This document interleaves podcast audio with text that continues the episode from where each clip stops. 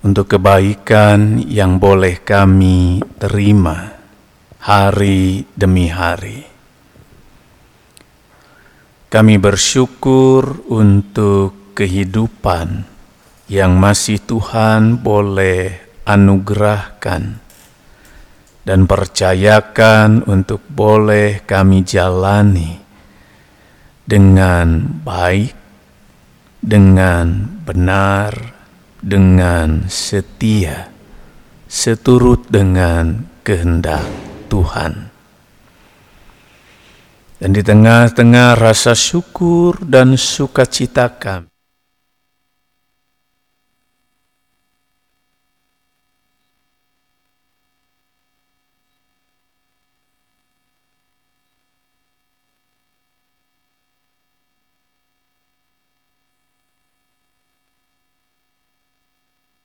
Nya akan mengingatkan setiap kami untuk senantiasa menjadi orang-orang yang tahu diri, sehingga kami selalu mencari Tuhan dalam kehidupan kami. Berkati setiap kami, ya Allah Kiranya Roh Kudus yang menolong, sehingga sabda Tuhan boleh tersampaikan dengan baik, dan setiap kami boleh mengerti, memahami dengan benar, dan melakukan dengan setia. Mari, ya Tuhan, berbicaralah kepada kami. Amin. Obaja pasal yang pertama, ayat yang pertama sampai dengan ayat yang ke-16.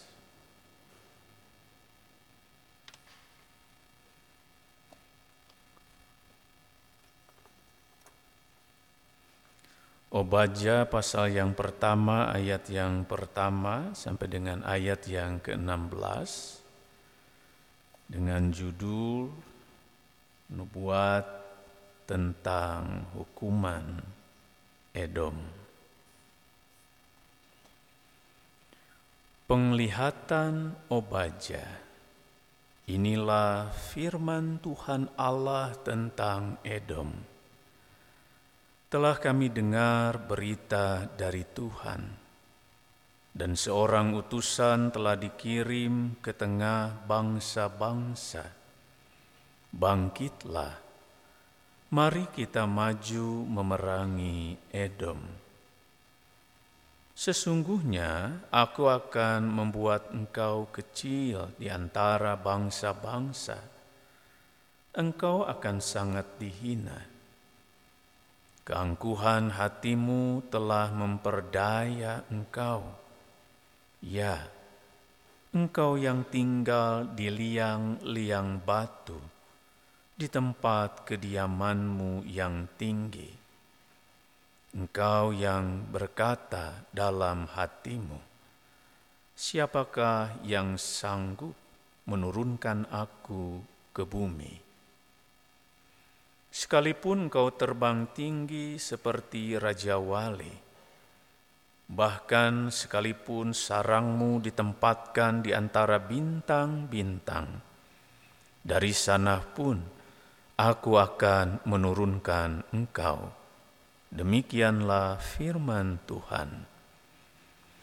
Jika malam-malam pencuri atau perampok datang kepadamu, Betapapun engkau dibinasakannya, bukankah mereka akan mencuri sebanyak yang diperlukan? Jika pemetik buah anggur datang kepadamu, bukankah mereka akan meninggalkan sisa-sisa petikannya?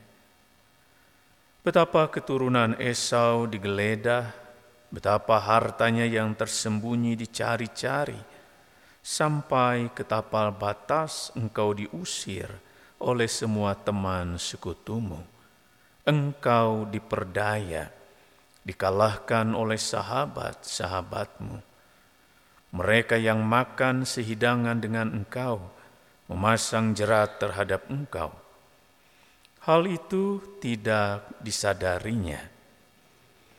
Bukankah pada waktu itu demikianlah firman Tuhan? Aku akan melenyapkan orang-orang bijaksana dari Edom dan pengertian dari pegunungan Esau. Juga para pejuangmu, hai teman, akan ketakutan, sehingga semua orang di pegunungan Esau lenyap terbunuh. Karena kekerasan terhadap saudaramu Yakub, celah akan meliputi engkau, dan engkau akan dilenyapkan untuk selama-lamanya. Pada waktu engkau berdiri di kejauhan, sementara orang-orang luar mengangkut kekayaan Yerusalem, dan orang-orang asing memasuki pintu gerbangnya dan membuang undi atasnya, engkau pun seperti salah seorang dari mereka itu. Janganlah memandang rendah saudaramu pada hari kemalangannya Janganlah bersuka cita atas orang Yehuda pada hari kebinasaannya. Janganlah membual pada hari kesesakannya. Jangan masuk ke pintu gerbang umatku pada hari kemalangannya. Jangan pula memandang ringan bencana yang menimpanya pada hari kemalangannya. Janganlah merenggut kekayaannya pada hari kemalangannya. Jangan berdiri di persimpangan untuk melenyapkan orang-orang yang luput, dan jangan serahkan orang-orangnya yang selamat pada hari kesesakan.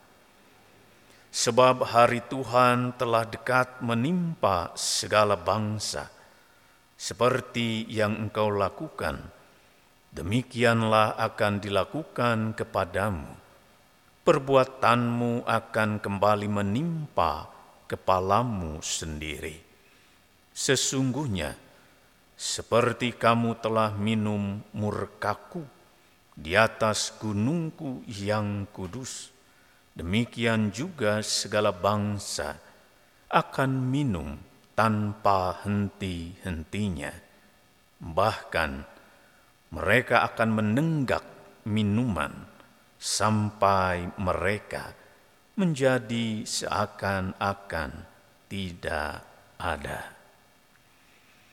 Berbahagialah orang yang mendengarkan firman Tuhan serta memelihara dalam hidupnya. Haleluya!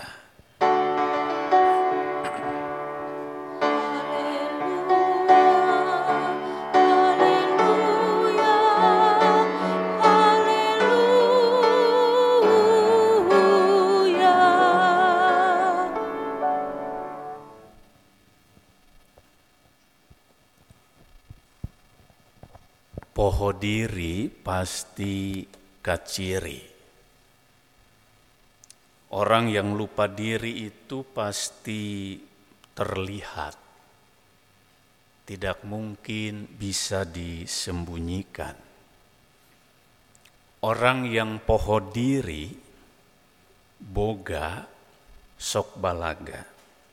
Jadi kalau ia memiliki sesuatu maka ia akan merasa tinggi. Ayah ngerasa jaya ketika ia punya banyak, maka ia akan merasa bahwa dirinya lah yang paling super, paling jaya. Nupoho diri bisa jadi sokawasa Kalau ia mampu bisa melakukan banyak hal, maka ia akan merasa paling berkuasa. Nah, orang yang poho diri pasti kaciri. Cirina poho susahna bahula. Orang itu akan lupa bagaimana dulu ia susah, ia menderita, ia tidak punya, ia belum sukses, ia bukan siapa-siapa. Poho susah bahula. Tetapi ia juga akan poho kersangsara lila. Ia juga akan lupa bagaimana dulunya ia menderita bahwa ia bukan siapa-siapa. Poho pas ayah numela, ia lupa bahwa waktu dulu ia jatuh, ia sengsara, ia tidak punya, ada seseorang yang membela dia. Ada seseorang yang berpihak, ada seseorang yang memperhatikan. Dan lebih parah, manusia no poho diri. Poho kabatur, te inget kadulur, te emut kabaraya, sasama dihapus, gusti dipupus.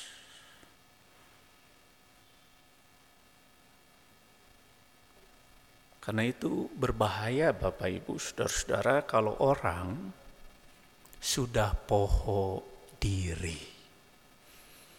Karena biasanya orang yang poho diri itu di berenya hombungnya ho di papatahan sok ngebantah di pepeling hese eling.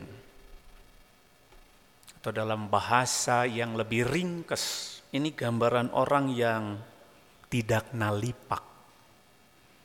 Nah itu tema kita. Nalipak bukti napak. Tenalipak berarti sebaliknya bangsa Edom atau orang Edom juga adalah bangsa yang poho diri. Mereka melupakan saudaranya, melupakan Yehuda, bahkan juga melupakan Tuhan. Edom merasa bisa mandiri. Kenapa merasa bisa mandiri? Karena ada banyak orang hebat, ada banyak orang pandai di sana, dan ada banyak pahlawan di sana. Sehingga bagi Edom, oh kami bisa mandiri. Edom juga merasa mampu sendiri mampu sendiri melawan siapa pun, menghadapi siapa pun, karena merasa diri besar, merasa diri hebat, merasa diri kuat. Maka kami mampu sendiri. Bahkan Edom merasa dapat mencari segalanya ini satu bangsa yang wilayahnya sangat strategis, sehingga menjadi jalur perdagangan yang dilewati oleh Mesir, oleh Syria, dan itu secara ekonomi memberikan keuntungan yang luar biasa bagi bangsa Edom.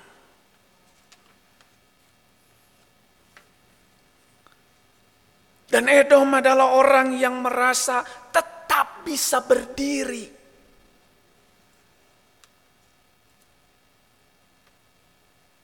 Merasa bahwa oh dia mereka tidak akan jatuh. Merasa seperti itu. Karena ini satu bangsa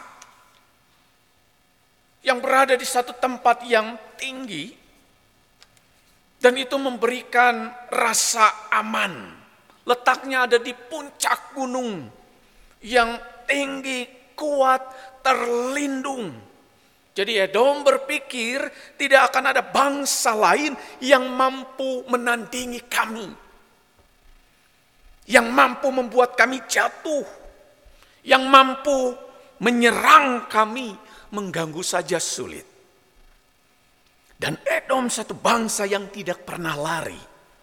Jago berperang, lihai menyerang, mampu bertahan menghadapi berbagai serangan. Jadi Edom adalah satu bangsa yang poho diri. Karena tadi merasa bisa mandiri, mampu sendiri, dapat mencari, tetap berdiri, tak pernah lari. Nah karena itu Obaja menyatakan mengingatkan bahwa poho diri Edom ini adalah sebuah bentuk kesombongan. Sehingga itu membuat mereka bersikap merendahkan orang lain. Merendahkan sesamanya. Bahkan memandang rendah Yehuda dan bersuka cita atas kemalangan. Kerajaan Yehuda, orang-orang Yehuda. Edom justru memanfaatkan kejatuhan Yehuda oleh Babel untuk keuntungan mereka sendiri. Karena itu Bapak Ibu Saudara-saudara pada masa penyerbuan Babilonia atas Yehuda, Edom memiliki andil yang cukup besar. Edom tidak hanya membantu Babel, tetapi juga ikut menduduki beberapa wilayah atau daerah Yehuda sekitar tahun 587.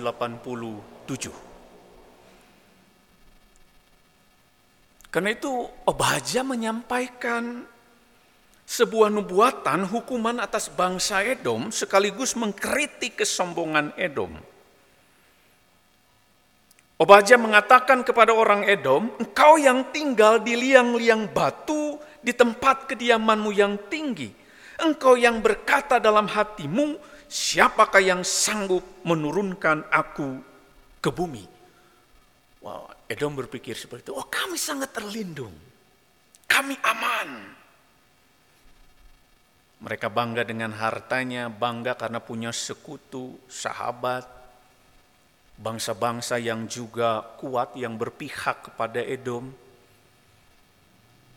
Betapa Edom sudah jauh dari Tuhan. Saudara-saudara, kita juga bukankah sering kali menjadi orang yang poho diri?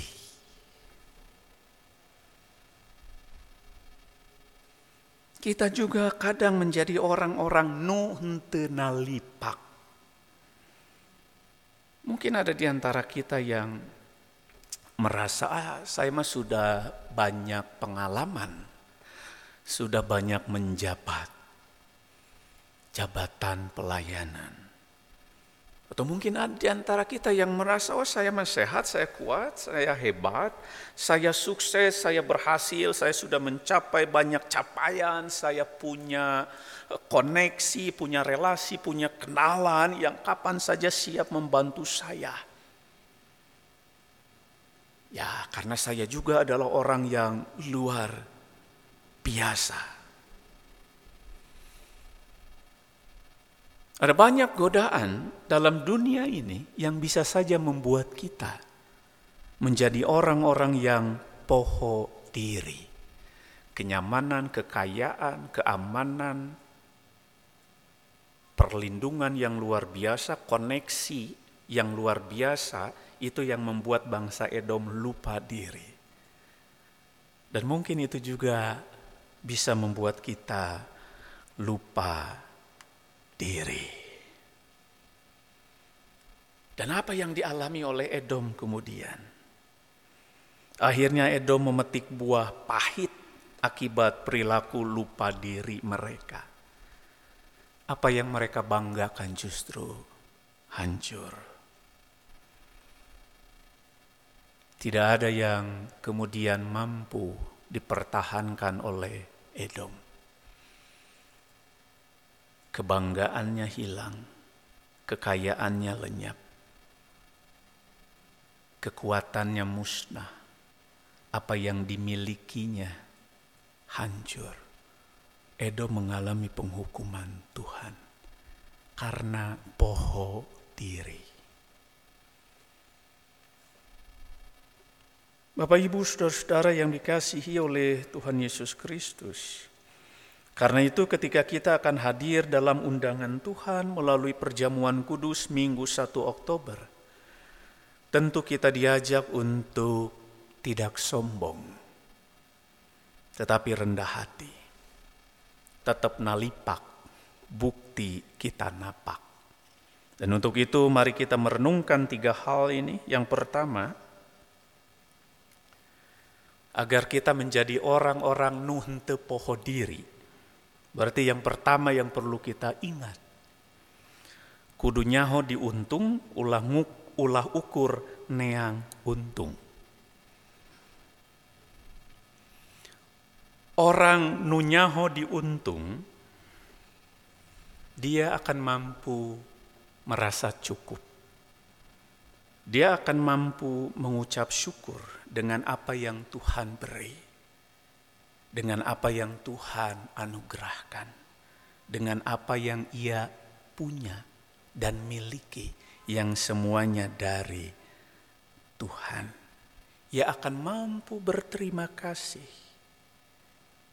Ia akan menjadi orang yang tahu diri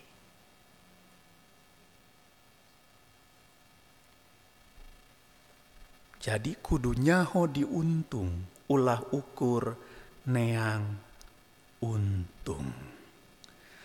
Dalam filosofi kabayan ada ungkapan kudu bisa jadi manusia nuges tenanawan kunanawan. Dalam ungkapan bahasa Indonesia yang agak-agak mirip kita harus menjadi orang yang sudah selesai dengan diri kita. Ah, ini tidak mudah. Karena kalau orang belum selesai dengan dirinya, maka ia bisa saja menjadi orang yang sombong dan tak mampu rendah hati. Ia bisa saja menjadi orang yang sangat bangga dengan dirinya sendiri, lalu menganggap yang lain tidak ada. Nah kalau orang belum selesai dengan dirinya, kalau orang belum jadi manusia nuges tenanawan kunanawan, maka dalam konteks pelayanan, ia akan cari untung, bukan karena sudah untung, lalu aku mau melayani. Mencari hidup dari pelayanan bukan karena sudah diberi hidup, maka aku mau melayani. Karena itu penting kudu nyaho diuntung ulah ukur neangan untung. Edom dianugerahi oleh Allah sebuah tempat yang luar biasa kaya, strategis. Jalur perdagangan Mesir Syria.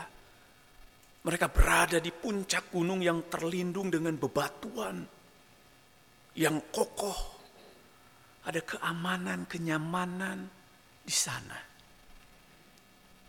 Tapi Edom tidak tahu diuntung. Mereka tidak mampu mengucap syukur atas yang Tuhan beri. Sehingga jatuh-jatuhnya mereka sombong. Lalu merendahkan, bahkan berbuat jahat pada Yehuda. Yang kedua, firman Tuhan hari ini mengingatkan Mari kita belajar gumantung lain kagunung, tapi gumantung kanu agung. Berharaplah bukan pada apa yang engkau andalkan di dunia. Bukan apa yang nampak besar, nampak wah di dunia Berharaplah, bergantunglah bukan pada pencapaianmu, prestasimu, jabatanmu, koneksimu. Tapi gumantung kudu kanu agung. Edom tidak. Mereka bergantung pada bangsa-bangsa lain yang mereka anggap, oh ini sama-sama bangsa besar, bangsa hebat. Kalau kami kesusahan, bangsa ini bisa menolong. Mesir, Syria misalnya. Singa Edom merupakan Tuhan. Merendahkan Yehuda yang dianggap kecil.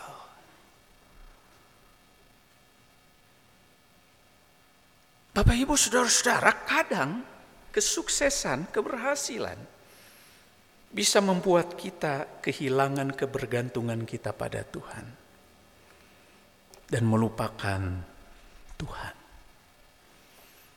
karena kita merasa mampu. Berhasil boleh, sukses kudu, benghar mangga. Tapi kalau karena berhasil, karena sukses, karena benghar, lalu Tuhan dilupakan, eta nubah, nubahaya. Eta. Jadi gumantung lain ka gunung tapi kanu agung.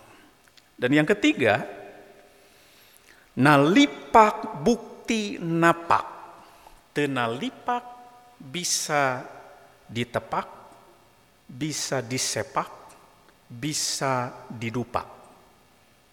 Edom tidak nalipak, sehingga Edom pada akhirnya bukan hanya ditepak, disepak, tapi didupak. Hancur. Tak bersisa. Nalipak menjadi kata penting karena nalipak mengajak kita untuk sadar diri. Sagala nu aya pamere. Manusia boga naon. Munte dibere kuno boga hirup. Dan perjamuan kudus mau menyadarkan kita bahwa betapa Allah memungkinkan kita manusia yang berdosa ini tetap hidup. Karena putra tunggalnya memberi dirinya mati di kayu salib sebagai wujud dan bukti cintanya agar kita yang berdosa ini hidup, diampuni. Dan kita merayakan perjamuan kudus, kita mengingat pengorbanan Kristus itu. Nah, kalau Kristus sudah sangat luar biasa berkorban bagi kita. Orang Sunda bilang cing atuh tong kabina bina teing nalipak mane ulah poho diri hirup cing benar. Karena kehidupan kita ada karena dia. Karena cintanya sing nalipak najan sagala nyampak. Sabab nu sagala nyampak iraha wae bisa beak adakah di dunia ini yang bisa kita andalkan? Bertahan selamanya abadi? Hari ini kita sehat malam bisa sakit. Hari ini kita punya duit besok bisa hilang Hari ini kita masih punya rumah, beberapa jam bisa habis, bisa lenyap, entah kena gempa, entah kebakaran, entah apa. Apa yang ada dalam diri kita tidak ada yang abadi kecuali Tuhan. Karena itu, mari kita diingatkan oleh firman Tuhan dalam rangka kita mempersiapkan untuk hadir dalam undangan Tuhan perjamuan kudus. Datanglah dengan nalipak maneh. Datanglah dengan sadar diri, ulah poho diri, sabab nuboga diri ukur Gusti. Amin.